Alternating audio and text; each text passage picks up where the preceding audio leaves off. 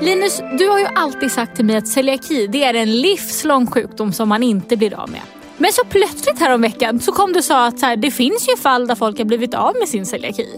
Ja, det är kanske lite mer komplicerat än så, men vi går igenom det som så djupt vi kan i alla fall i det här avsnittet. Det är så intressant. Kanske det mest spännande avsnittet av Glutenpodden. Jag heter Smilla Lok. Och jag heter Linus Engqvist Rickert. Nu kör vi! Det gör vi!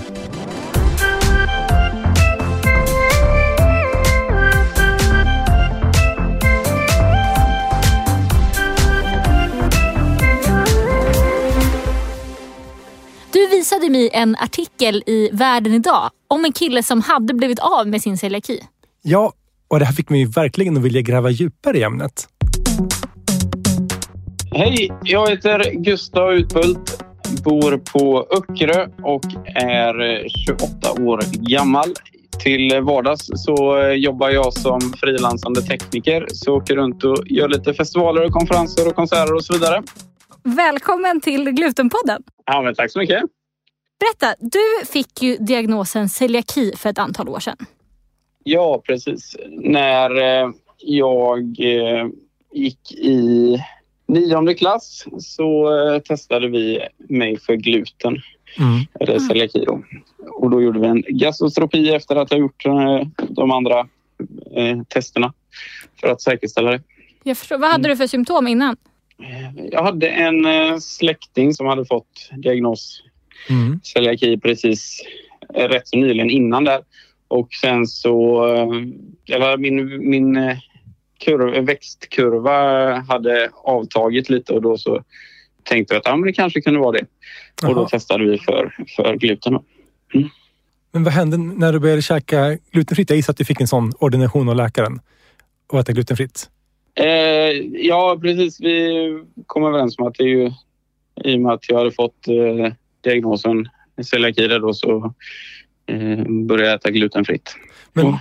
började du växa då som du skulle igen? Ja, men det var ju i de eh, krokarna där eh, som jag började växa väldigt mycket. Ja, Så det, det kan nog ha, ha hjälpt till där. ja okej. Fattar. Mm. Vad tyckte du var jobbigast med att ha celiaki? Jobbigast är väl på kalas eller fester, alltså när man eh, blir bjuden, eh, när man är iväg borta. Eh, Hemma är ju lättare när man har allting eh, och man kan tänka och planera men eh, när Mm. man kommer ut och även utomlands att förklara vad det ens är i vissa länder. Eh, Det har kanske blivit bättre nu sen, eh, sen jag var det för tio år sedan men eh, ja. Det är väl det, är väl det jobbigaste tyckte jag att Mm. vara eh, borta. Eh, så. Men sen en dag då så vände allting. Berätta, vad var det som hände? Eh, nej men eh, jag som eh, kristen eh, tror ju att eh, Bibeln är sann och att eh, Gud kan hela och göra under och mirakel idag. Mm. Och eh, då så var det en na- naturlig del av min eh, tro att jag även får eh, be för det som jag... Ja, man, jag får komma till Gud med vad jag vill och då hade jag bett under en lång tid eller så här, vid flera tillfällen och Eh, haft vänner och andra som hade bett för mig att så här, men, eh, jag ville bli av med min gluten. Då. Och eh, det var ingenting som hade hänt eller jag hade inte känt något under flera år. Eller alltså, jag hade bett vid massa olika tillfällen eh, men inte upplevt någon skillnad. Och, eh, men så var det vid ett tillfälle när, vi, när jag bad några vänner att ja, men, kan inte ni eh, be för mig så tänkte jag att jag ja, testar en gång till. Eller, ja. Ja. Ibland så går hoppet upp och ibland så går hoppet ner. Alltså det kommer i omgångar. Ja. Eh, Men då så när de bad för mig så upplevde jag att eh, Gud utmanade mig. Ja, men nu då Gustav, nu våga, våga testa nu. Och då eh, kände jag en uppmaning av Gud att ja, men, eh, testa, testar du nu så eh, hjälper jag dig på vägen. Och då på vägen hem från kyrkan så köpte jag eh, vanligt bröd och glutenfritt bröd. Mm. Och när jag kom hem så som en symbolik för mig själv så kastade jag det glutenfria brödet och så tog jag det, det vanliga brödet eh, och eh, åt två, två mackor tror jag åt. Och vid tidigare tillfällen när jag hade fått i mig gluten så är det ju som säkert som många känner igen sig i att det, eh, för mig i alla fall så var det att jag började må illa, lite febrig. Eh, Mm. Mm. och sen så kom ju all mat upp också igen då.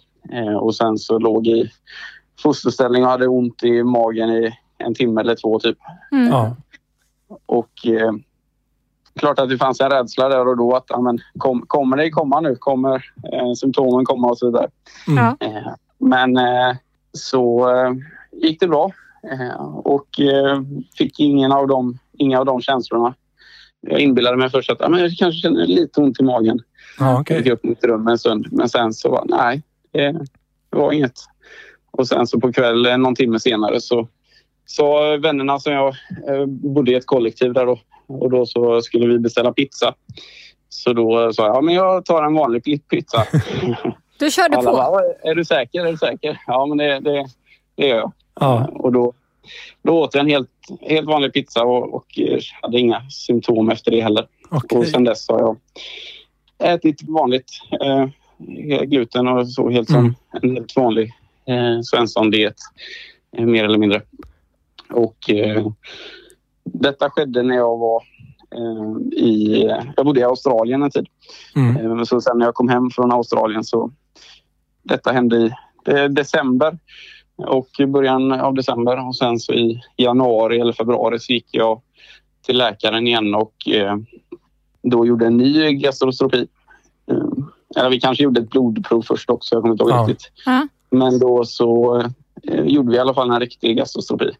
Och eh, då så sa läkaren där och då redan när han gick eh, ner i magen att eh, nej, vi, vi, jag kan se redan nu att du har inga symptom på gluten eller dina, Nej. dina tarmar ser helt normala ut. Eh, och det, det är inga konstigheter där.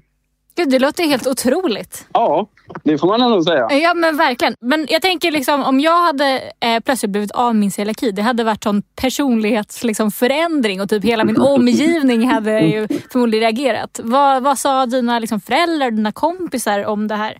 Eh, nej, men de... Eh, klart att eh, många var gl- glada och eh, eh, undrade vad, vad och hur och så vidare. Mm. Eh, och mina närmsta vänner och familj är ju är kristna så på det sättet så var min förklaring och det jag hade varit med om inget, eh, inget konstigt på det sättet eller man ifrågasatte inte kanske Nej. superhårt. Utan, eh, men pappa var ändå en av dem som uppmanade mig till att ja, men, gå, gå till läkaren också och få det på papper. Liksom. Mm. Eh, och eh, det är jag väl tacksam för att eh, jag gjorde också. Så att inte bara... Det är lättare att stryka under att nej, men, när man har det på papper från läkaren att nu har du inte gluten längre. Eh, Mm. Istället för att det är något man själv bara säger. Eh, så, ja. Men eh, vad sa läkaren då? Jag tänker att eh, läkaren, om inte läkaren var kristen då, kanske hade en annan vinkel. Eller vad, vad sa läkaren när du kom dit med din historia? Från början, eller först när jag kom in så var det väl eh, mer som en rutinkoll bara då.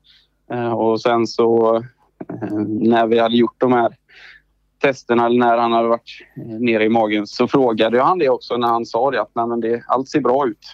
Mm. Och han frågade också då har, har, du, har du ätit van, alltså, vanligt mat, bröd och eh, Mm. saker som innehåller gluten då senaste tiden.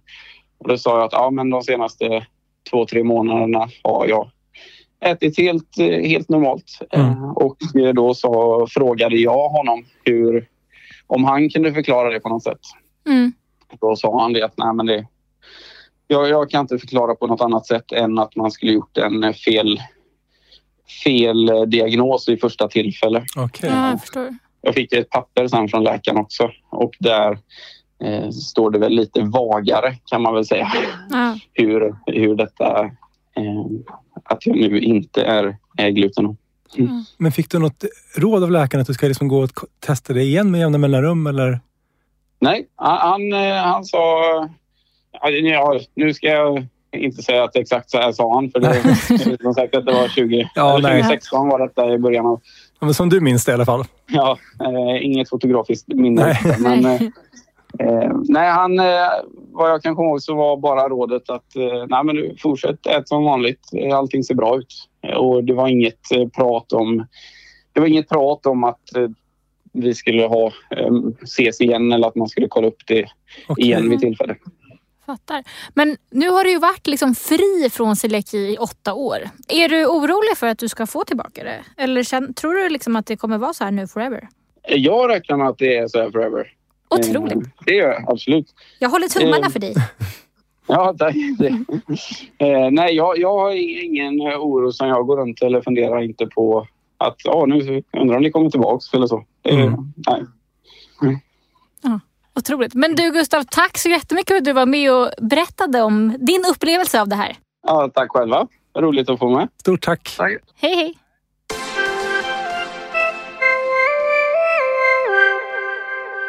Vilken historia Linus! Ja, Alltså helt otroligt. men verkligen. Jag måste liksom säga, jag är inte kristen men med all respekt för alla som är det så är det ändå väldigt intressant att han har ändå fått läkarintyg på allt det här. Och, Ja, och det kan ju faktiskt vara så att det finns en vetenskaplig förklaring till det här också.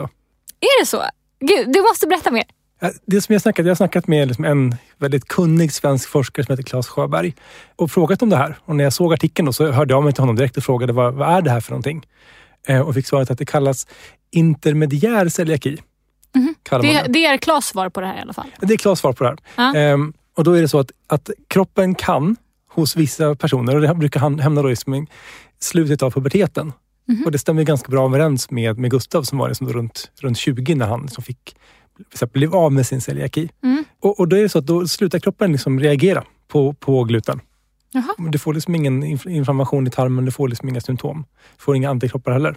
Så när man gör liksom då ett test så är det ju är det ingen celiaki längre helt plötsligt. Man blir av med det helt enkelt. Man blir av med det. Och det, det som man ser och det som, som Claes berättade är ju att de allra flesta får tillbaka celiakin inom några år. Mm-hmm. Han sa att han hade ett fall där det var en, någon kille som hade blivit av med sin celiaki då. Eh, De har sett att det finns ingenting kvar liksom av det här, fast han äter gluten. Men, men Klas kallade tillbaka honom till sin klinik liksom då, med jämna mellanrum. Eh, och efter sju år, då hade han börjat få tillbaka symptom igen. De kollade och det var celiaki. Så det handlar liksom om att man får en, en, så här, en lång paus där man kan äta gluten då eller göra, göra, ha roligt om man tycker det, det är roligt med gluten. Men det är viktigt att veta att det kan ju komma tillbaka. Sen finns det tydligen beskrivet några ytterst få fall i världen där man liksom då inte får tillbaka det här. Vad, vad kallas själva fenomenet ur ett vetenskapligt perspektiv? intermediär celiaki. Och det, det som jag liksom då har försökt liksom läsa på om det här också, det, är, det handlar om liksom lite grann kring hur, hur generna fungerar. Hur de liksom, om man liksom då har en förälder som har bruna ögon och blå ögon, så är liksom den ena genen är dominant gentemot den andra. Klassiskt NO-exempel. Ja, men precis. Jag får se om alla kommer ihåg allting. Men då är det så att när man har två stycken som gener som inte är dominanta mot varandra, utan som är så lite, lite veliga och liksom inte riktigt kan bestämma sig. Då kallar man det som det så här, ja, intermediärt. Liksom, att den ena genen har inte bestämt. Och att det då kan bli att man kanske får, både får celiaki och inte får det. Så att det är som att generna liksom fightas i kroppen om vem som ska bestämma om det är celiaki eller inte. Ja, men så istället för att liksom så här, bara, du ska ha celiaki, eller du kommer utveckla det kanske om ett tag. Så är det så bara, ja, eller kanske inte. Eller kanske ändå. Ehm, så det verkar, det verkar lite oklart. Men det är ju också så att här så har man ju väldigt, väldigt lite forskning. Ja, för jag har aldrig hört om det här. Hur, hur kan jag aldrig ha hört om det här? Men jag tror att det är ju, dels är det så himla sällsynt att det händer. Det är liksom någon, en, ja, oklart hur många som sagt eftersom det är så lite forskat på. Men det handlar om någon handfull liksom, ehm, i Sverige kanske.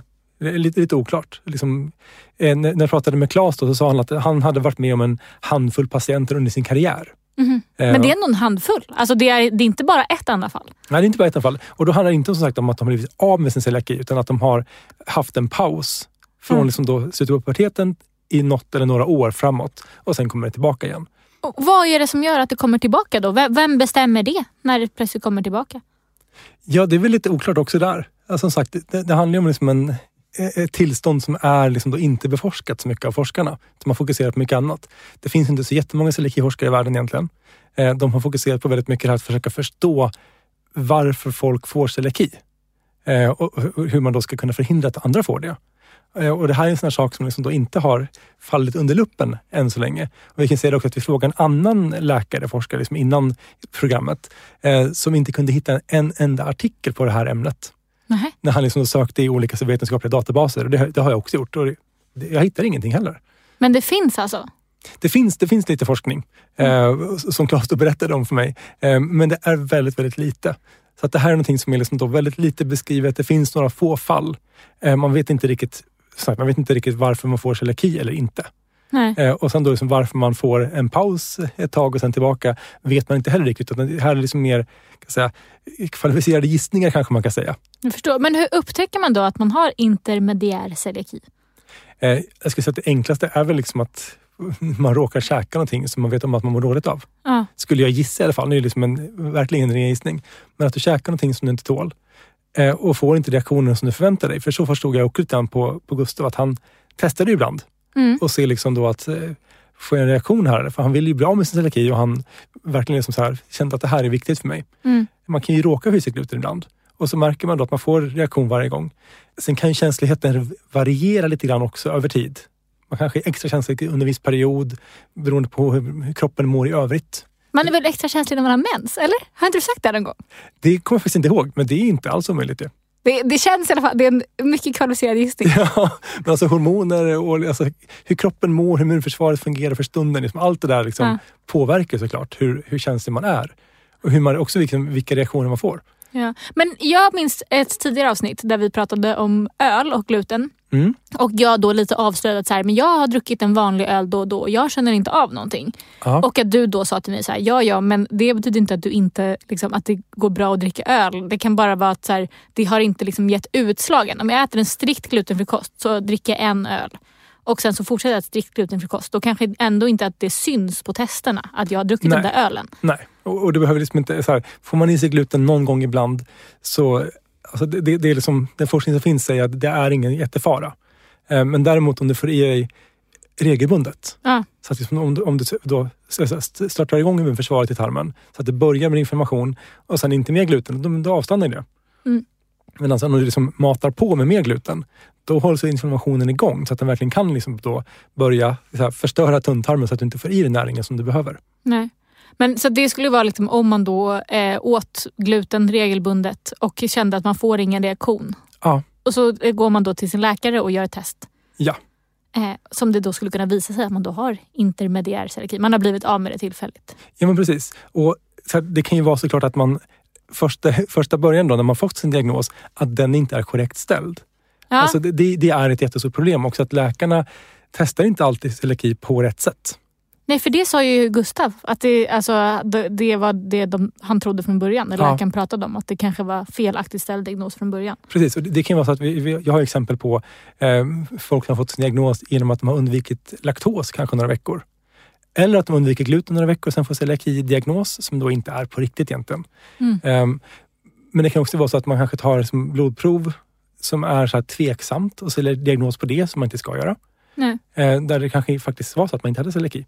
Men att man, läkarna är lite, ja, chansar Men, men om man gör en gastroskopi och det ser ut som celiaki Ja. eh, och man ställer diagnos via det. Finns det liksom något annat eh, tillfälle där tarmen kan se likadan ut som om man hade haft celiaki? Alltså det är den här glatta ytan. Men det är inte celiaki, det är något annat i kroppen. Förstår Som jag har förstått det så är det ändå liksom celiaki när man ser just de här, eh, här den sortens inflammation i tarmen. Mm.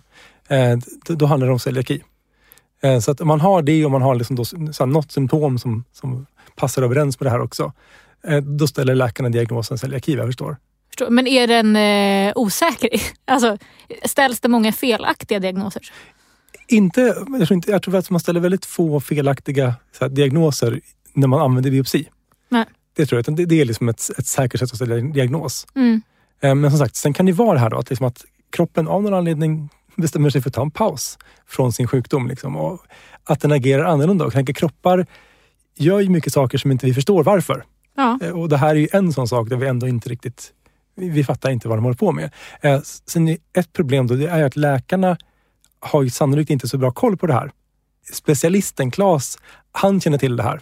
Han är specialist på celiaki. Ja. Inte ens bara liksom tarmar. Nej, utan- precis. Så att, sen pratade vi, så här, vi pratade med en annan läkare som är tarmspecialist. Han kände inte till just den här grejen. Nej. Eh, Så att det är som, om du då går till en, en vanlig läkare med din celiaki och så märker att du har inte celiaki längre. Chansen att de känner till det här med intermediär celiaki är ju extremt liten. Så att jag tänker mig att det är nog många som får då det här att ja, men celiakin är borta. Mm. Eh, och, och får gå hem då. Och det som man egentligen ska göra då, eftersom de vet om att oftast kommer det tillbaka, nästan alltid kommer det tillbaka, det är ju då att med regelbundna mellanrum ska man ju gå tillbaka och testa sig och kolla. Så här, börjar kroppen reagera igen? Börjar antikropparna stiga? Kan det liksom vara så att det faktiskt är en inflammation i tarmen som har startat upp utan att man märker av det? Ja, jag förstår. Så att, eh, skulle man liksom bli av med sin diagnos så är det viktigt att man ändå följer upp det hela tiden. Ja, och kanske då att läkarna kanske inte heller ska skriva att man blir av med den helt. Nej. Eh, Utan att, så ja, ska säga, symptomfri eller vad det kan kallas för någonting. Ja. Eh, För det handlar ju om liksom jag vet inte exakt när det kan vara jätteskönt att, att inte kunna ha den diagnosen. Um, Men alltid. Det hade ju varit helt otroligt. jag tänker, just själva det- pappret liksom. Ja, det fattar. skadar ju inte så ofta. Nej, det är sant. inte så man kan ju välja att som- inte visa pappret. Ja, Om- och sen så liksom är det inget problem. Så jag tänker att det, det gör ju ingenting om du har diagnosen kvar, även om du inte har symptom för stunden.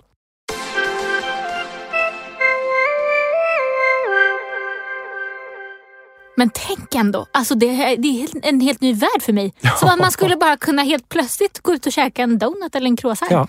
Ja. Och, men jag kan tänka mig att många nu som hör det här tänker som jag. Att jag är så här, äh, jag vill provocera fram det här för att se om jag också har intermediär. Det är ju typ nu. Alltså jag är 20, ah, 25, det är lite sent kanske. Ja, ja, mm. Men, eh, men att det hade ju varit en dröm att få en liten paus från sin celiaki ja, men det är, det är nog en dröm för väldigt många. Och jag tänker också att den forskningen som pågår nu liksom med mediciner av olika slag, det handlar ju också om det här som att man ska kanske kunna käka någonting med gluten i utan att få de här symptomen, utan få liksom då, eh, ja, men så här, lite grann som att ha intermediär celiaki, att du kan käka gluten utan att få de dåliga effekterna av det.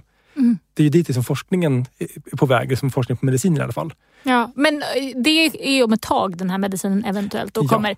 Kan man eh, idag gå hem om man är precis efter puberteten och testa lite med gluten och se om man skulle råka vara en av de här som har intermediär celiaki? jag skulle säga att det som forskningen visar i alla fall, det är att det är ytterst, ytterst få. Att det är extremt sällsynt. Eh, så att skadan som du liksom tillfogar dig själv genom att utsätta dig för mycket gluten, det är nog värre än liksom att, att, eh, så här, att undvika. Ja, det är synd att det är så himla få som eh, har upplevt det här. För det känns ju som att det är en grupp människor annars man skulle vilja liksom forska mer på. Att de ändå blivit av med sin celiaki. Ja, precis. Det finns ju mycket forskning på liksom olika läkemedel och den här gruppen har ju liksom då en, någon inneboende funktion som Ja. gör att de kan liksom äta gluten en period i alla fall. Jag tänk om de är nyckeln till att vi ska kunna äta kanelbullar sen. Ja, och vi har, vi har liksom, det, det, som, det som beskrevs då av den här Klas-forskaren, det var ju att en person hade varit utan symptom eller utan besvär, utan liksom celiaki mer eller mindre, i hela sju år. Men Ja. sen fått det igen. Liksom. Ja, men Gustav, han hade väl ändå varit utan det i åtta år? Ja, så det är liksom, i, i det här sammanhanget så är det liksom ett... Han tänjer ju gränserna. Tänk om man är the one and only som blir av helt med sin celiaki. Vi får hålla tummarna för Gustav och för att forskarna kan ta del av hans historia och liksom kanske komma framåt. Verkligen, och vi får ju verkligen följa det här i podden. För liksom, Tänk om det kommer fler fall eller man forskar mer på det här. Det här kan ju vara hela grunden till lösningen. Ja, men fortfarande viktigt. Har du fått celiaki, ha regelbunden kontakt med en dietist. Och om det är någonting som, är som, då, som avviker, antingen positivt för dig då att du kan äta gluten eller någonting annat, prata med läkare också då. Och till på dietisten vi pratar med läkare. För att det är så här, man vet inte riktigt vad det är. Det kan ju vara något helt annat som liksom spökar. Ja, alltid. Det är en, en bra avslutning. Prata med dietist, prata med läkare. Men glöm inte, hoppet finns. Intermediär celiaki heter det. Tack för att ni har lyssnat idag hörni. Vi hörs. Det gör vi. Hej då! Hejdå!